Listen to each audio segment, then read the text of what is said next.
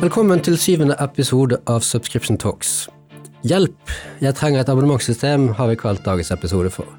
Og det er fordi vi ofte opplever det som et vanskelig tema for de fleste abonnementsvirksomheter.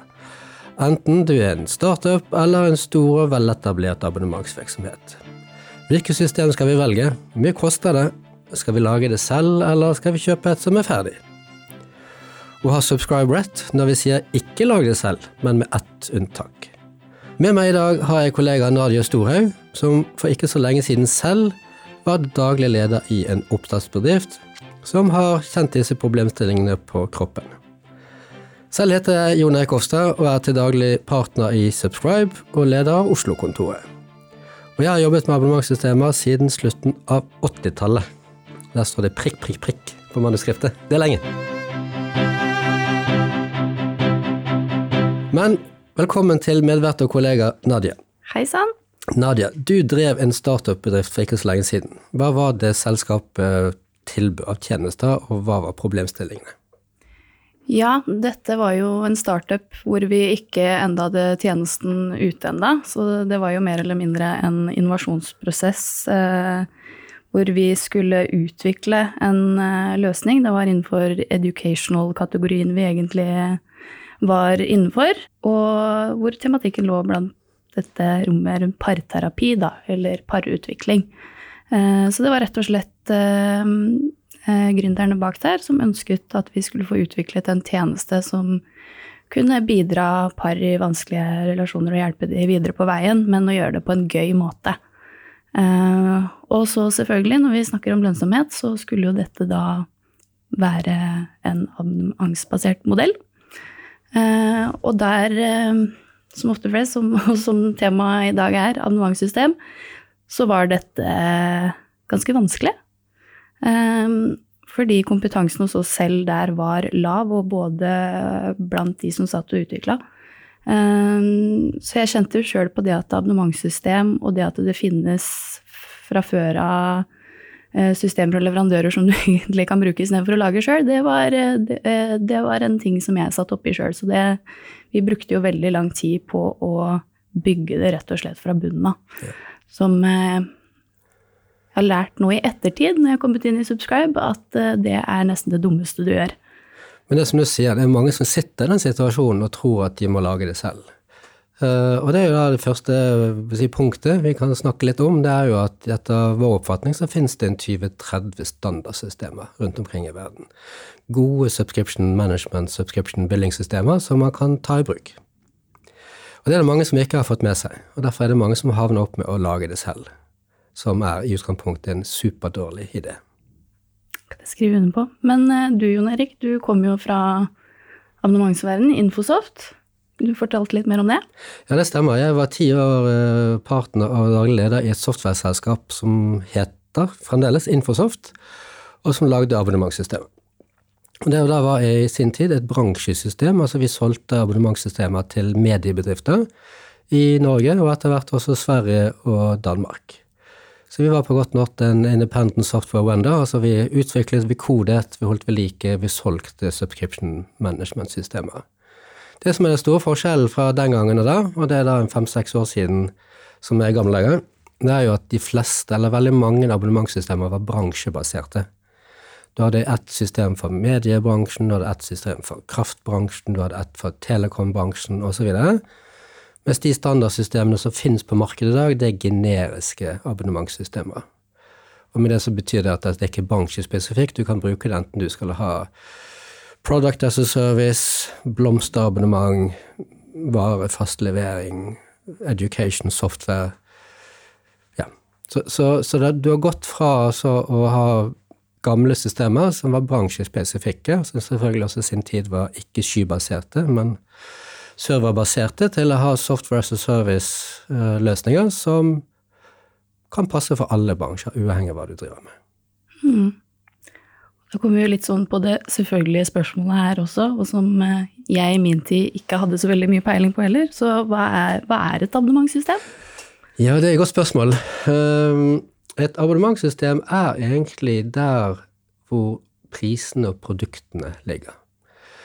Altså hvis du har en abonnementstjeneste, enten det er et fysisk produkt eller det er en tjeneste som du selger, så i abonnementssystemet så setter du opp eh, prisene, produktene, rabattene, og så holder det systemet orden på økonomien til abonnenten. Og det er det store forskjellen mellom et abonnementssystem og et økonomisystem. Det er jo at i abonnementsmodellen som vi i Subscribe arbeider med, så starter jo relasjonen i det vi gjør en avtale. Men hvis jeg kjøper en Mac på Elkjøp, så slutter relasjonen min i det jeg får. De får pengene, og, og jeg får Mac-en, og så regnskapsfører det det i systemet sitt. Med et abonnementssystem, hvis du, hvis du betaler HBO 79 kroner måneden, og du gjør det den 17. april, så skal noe av den inntekten skal i april, noe skal i mai. Du betaler på forskudd, og så holder abonnementssystemet orden på økonomien fremover. Det er liksom basisfunksjonen til et abonnementssystem. Så et abonnementssystem ser egentlig fremover hele tiden, mens et økonomisystem ser bakover, som er transaksjonsbasert. Mm. Det er hovedforskjellen, vil jeg si. Eller hovedfunksjonen til et abonnementssystem.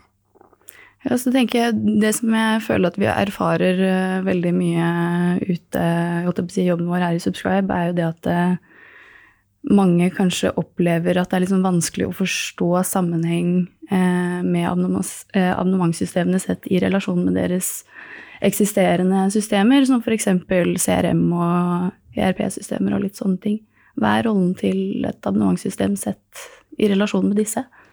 Et abonnementssystem er det jeg kaller for en slags økonomimaster. Så der ligger økonomien til abonnenten. Altså jeg har innbetalt 100 kroner, et abonnement skal vare i 10 dager eller 100 dager, hvor mye spiser jeg av de pengene?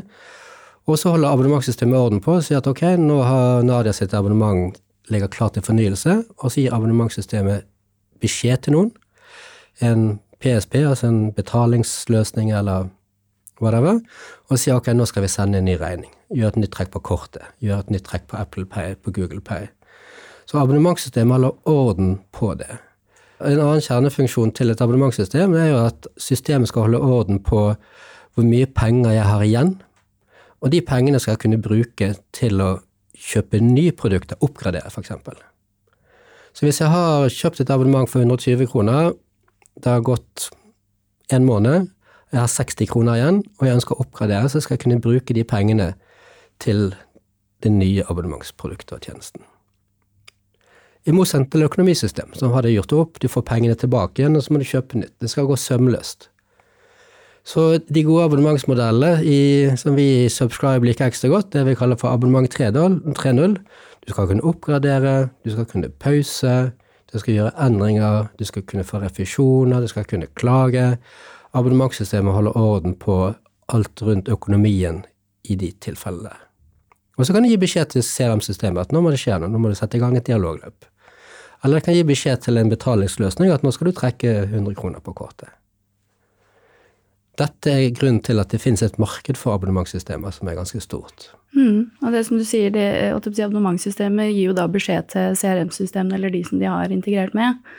Og det er jo på en måte det som jeg merka har blitt veldig enkelt i dag, da, når det kommer med disse abonnementssystemene og leverandørene, er at man har jo bare disse enkle API-callene som du kan sette opp. Så det har jo blitt mye Sånn jeg har erfart i hvert fall, eller lært. Det virker som at det er mye lettere i dag, da. Å integrere disse abonnementssystemene enn det det var tidligere? Definitivt. I gamle dager, som gjerne er seks-syv år siden, så var det jo ofte at du lagde inn en ny funksjonalitet unikt for den kunden når du skulle ha, kjøpt et abonnementssystem. Men de nye og gode abonnementssystemene, altså disse 2030 som vi snakker om, de er jo software, altså de er cloud-baserte, web-baserte. Eh, de har gode grensesnitt. Så det er egentlig først og fremst bare å integrere, altså en integrasjonsjobb. Så betyr at kompleksiteten har blitt redusert, eh, risikoen har blitt redusert, kostnaden har blitt redusert. Samtidig som de stiller krav til virksomhetene at du er også litt kritisk til ikke å gjenta de gamle forretningsprosessene nødvendigvis, for de er kanskje laget fordi at du hadde et system som ikke hadde andre muligheter. Så vi i Subscribe anbefaler alltid at man starter og ser på dette skifte et abonnementssystem som et markedsorientert prosjekt. Altså hvordan skal abonnementsmodellen se ut om to år, om tre år? Er det tidsbasert? Skal du ta det på volum? Antall tilganger? Altså det er mange måter å ha et avredet abonnement på det. Så begynn å se på ok, hvordan skal abonnementsmodellen vår være? Hvordan skal kundemodellen vår være? Er det bøndlinger? Uh, og så videre, så videre. Sånn at vi starter alltid med et markedsperspektiv før vi ender opp med teknikken, og hvordan arkitekturen skal se ut. Så det er også en sånn feil som vi ser i de prosjektene som går litt skeis. Og vi har aldri hatt prosjekter som har gått dårlig. Eh, det er jo at man ser på det som et rent teknisk prosjekt. Altså man outsourcer det til en IT-sjef.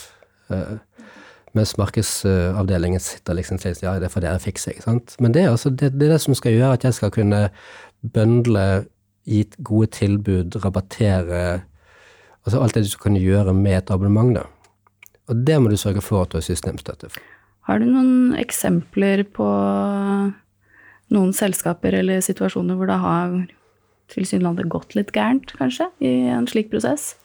Jeg leste nylig et, eh, på et nettsted uh, at en av fagforeningene i Norge hadde akkurat brukt 77 millioner kroner på et medlemssystem, og hadde nå lagt det i skuffen, for det funket ikke. Altså de har brukt 77 millioner kroner på å utvikle det. Og da hadde de spekket det selv. Det var intervju med en eh, som var prosjektleder, som sa at de, de, måtte lage det selv fordi at de Ellers måtte de tilpasse seg. Og da er vårt råd tilpass deg. um, og det er en ganske sånn vanlig feil at man føler at man Altså, vi er så unike, vi er så spesielle, vår forretningsmodell, vår produkt, vår tjeneste. Ingen andre kan dekke det behovet. Og da i ni og en halv av ti tilfeller så er ikke det Altså, det stemmer ikke. Man er skuffende lite unik i sin basisstruktur, selv om innholdet og alt det selvfølgelig er forskjellig og kan være. Så det som ofte skjærer seg, det er liksom hvis man undervurderer kompleksiteten. Uh, vi har jo alltid snakket med IT-folk, for eksempel, sier hvor vanskelig kan dette være? Altså Du skal bare trekke på kortet en gang i måneden. Mm. Og det er enig, det er ikke vanskelig.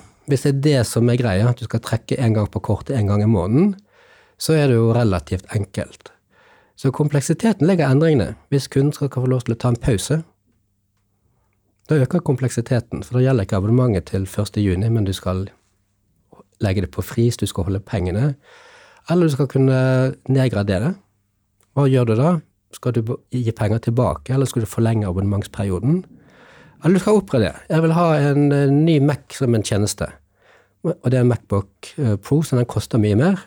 Månedsbeløpet er høyere da vil vi jo på en måte at det første trekket i det nye abonnementskonseptet skal være det som det koster, minus det du hadde til gode fra det forrige abonnementet, etc., etc. Sånn, at hele poenget med det systemet er at kundeopplevelsen skal være det skal flyte. Altså du skal, du skal kunne holde det abonnementsrelasjonen gående uh, på en god måte, som samtidig ivaretar økonomien, og som og som eh, møter kravene til sporbarhet, som møter kravene til inntektsføringer, til osv. Så, så vi har jo vært borti relativt store virksomheter som, som eh, f.eks. innenfor retail, som, som, har gjort veldig mye av den type ting i kjempedigre Excel-ark.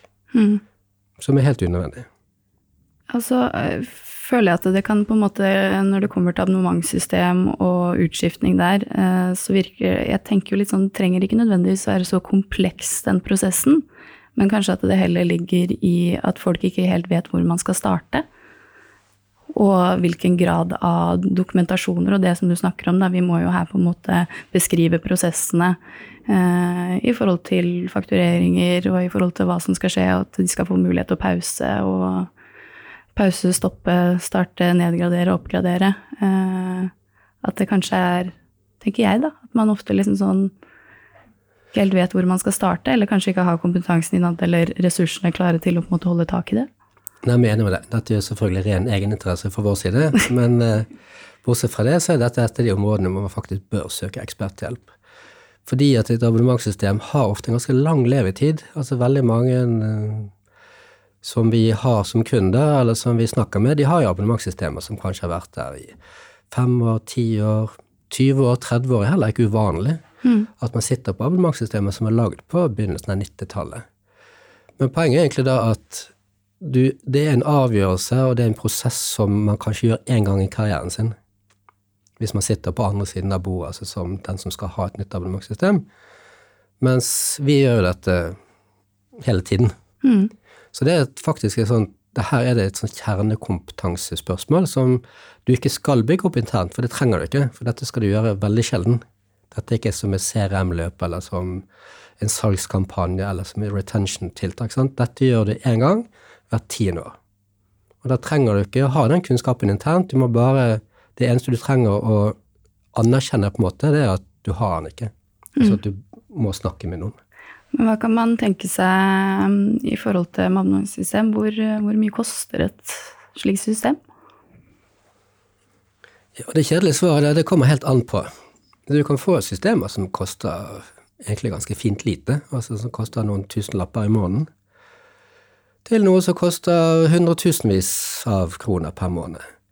Så det som ofte styrer det, det er jo behovet ditt, eh, og hvilken leverandør du skal ha. Det er også i forhold til eksempelvis hvis du bare i en første skal ha et system, kun trekke på kortet, ikke lov å stoppe, ikke lov å pause, ikke lov til å si opp i perioden, eller du kan si opp, men du får ikke noe penger igjen, så finnes det ganske mange løsninger som er ok, og de er ganske billige.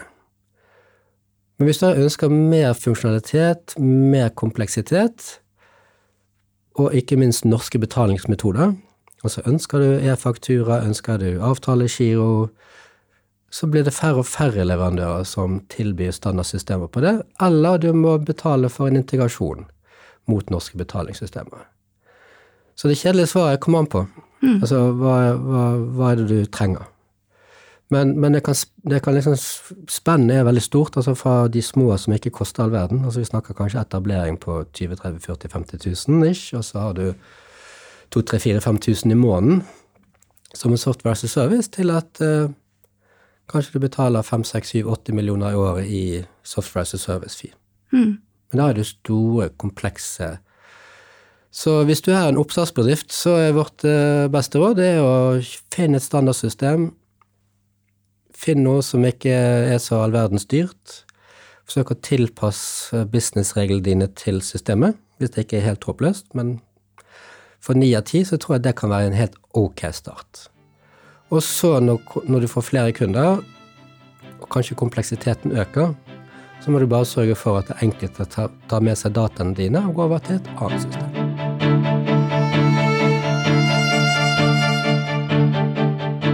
Jon Erik, det er jo liksom litt forskjellig om folk har abonnent eh, eller ønsker å ha sine produkter eller tjenester på, eh, via fysiske eller digitale produkter. Eh, hva vil du si er forskjell på dette eh, kobla til abonnementssystem, og kan du si også noe om hvordan den typiske leverandøren ser ut? I gamle dager så var det jo abonnementssystemer som var spesialisert på fysiske produkter. F.eks. aviser, som i gamle dager den dag i dag er jo halvparten av avisopplaget fysisk, altså du får levert noe igjen på dørmatten. Men eh, de systemene som finnes nå, det er det egentlig bare en integrasjonsjobb. Altså det integrerer det mot et adresseregister for å finne ut er det en gyldig adresse hvis du bor på Kolbotnsøya. Sjekker at det fins. Og så har du en integrasjon, enten i form av et API, eller at man sender noen filer til en eller annen distributør som skal levere ut produktet ditt. Sånn at eh, det blir også det blitt enklere. altså Om det er fysisk eller digitalt produkt, altså last mile, spiller egentlig ingen rolle lenger. Det er egentlig bare et nytt integrasjonspunkt. Du trenger ikke ha et eget system som er skreddersydd for fysiske produkter. Uh, ja, så tenker jeg litt på hvordan ser den typiske leverandøren til, og hvilke leverandører er det? Ja. Jeg vil si at det er tre hovedgrupper av leverandører, sånn som jeg ser det. Det ene er jo de store amerikanske leverandørene. Det finnes noen store, store amerikanske leverandører som har kunder over hele verden. Alt fra HBO til uh, Og det er noe som heter Zora. De har brukt 600 millioner dollar på å utvikle det, og kanskje vel så det. Aria Systems, du har Stripe altså, MPUP altså Det finnes mange sånne store internasjonale globale, globale aktører. Så er det et mellomsjikt av uh, mellomstore leverandører, europeiske. Og så har du alltid små lokale leverandører. I alle land så er det forbausende mange abonnementssystemleverandører. Og det tror jeg også derfor at i Good Old Days så var det jo barrier entry, altså det var vanskelig å komme inn på nye markeder fordi at du hadde språket. Alle måtte ha seg på sitt eget språk. Du hadde betalingsmetoder, altså du hadde bankgiro i Norge.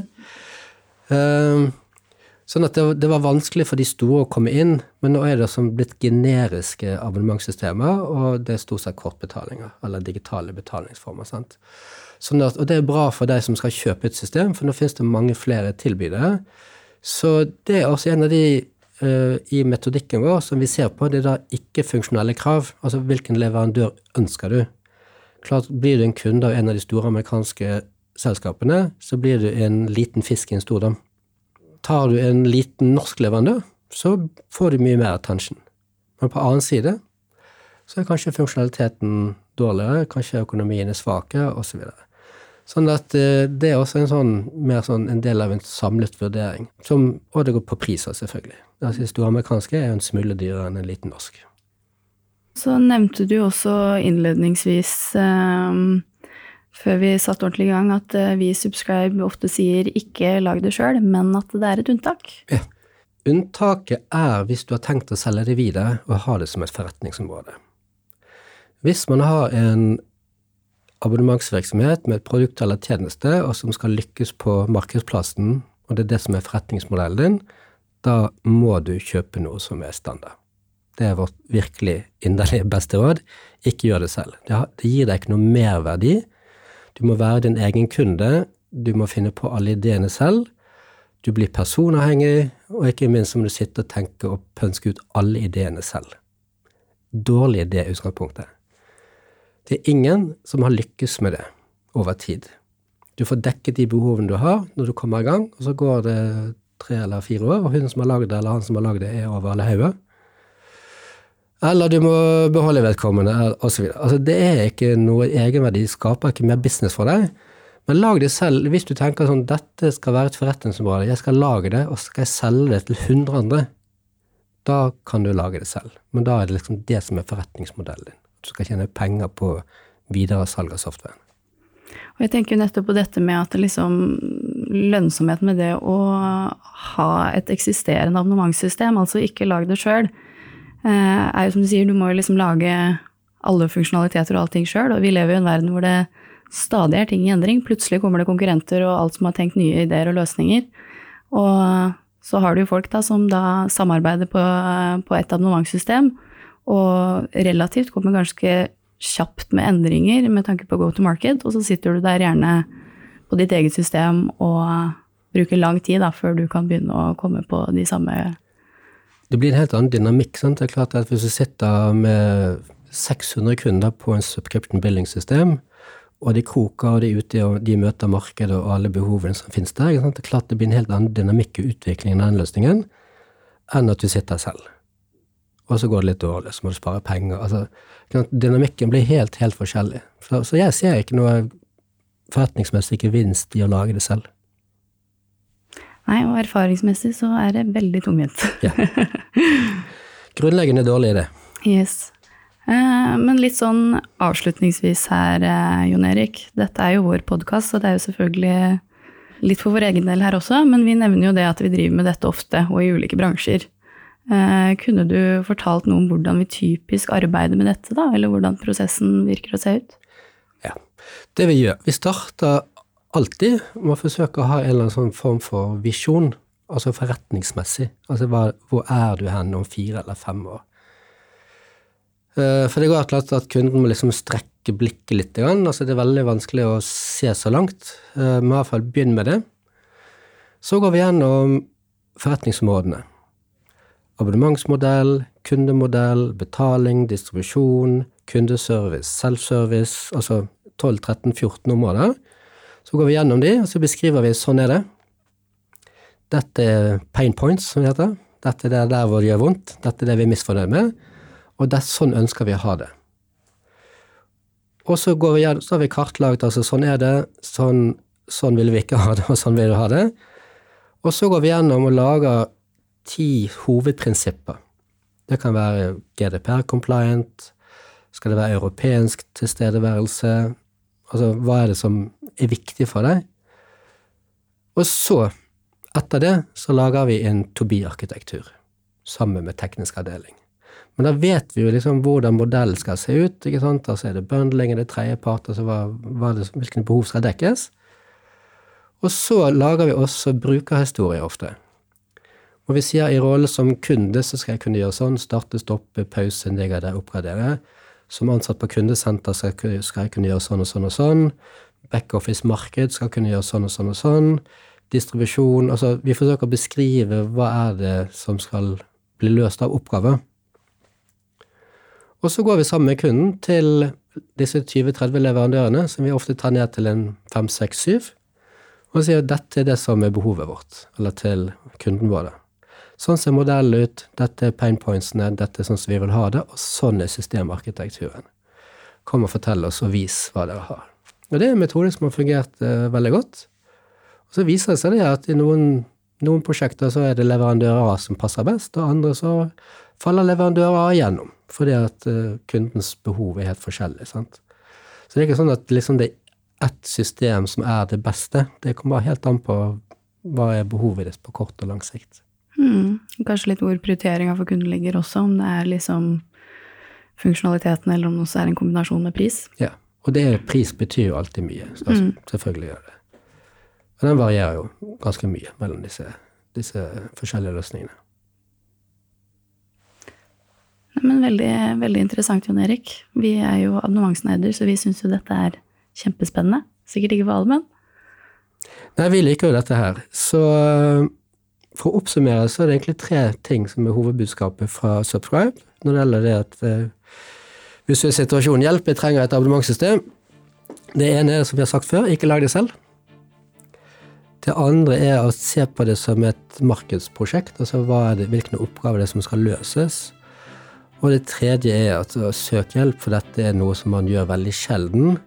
Men det er en veldig viktig strategisk avgjørelse for bedriften også å finne det riktige abonnementssystemet. Det var det vi hadde i dag.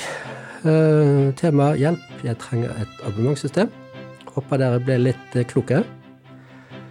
Og Subscribe er jo en kunnskapsbedrift innenfor uh, abonnement. Så følg oss gjerne på LinkedIn. Vi kommer med nyhetsbrev hver 14. dag. Last ned boken vår fra hjemmesiden vår, How to build a subscription business. Hør på podkastene våre, som du allerede gjør. Send oss en mail eller stikk innom oss i Henrik Ibsens gate 28 i Oslo.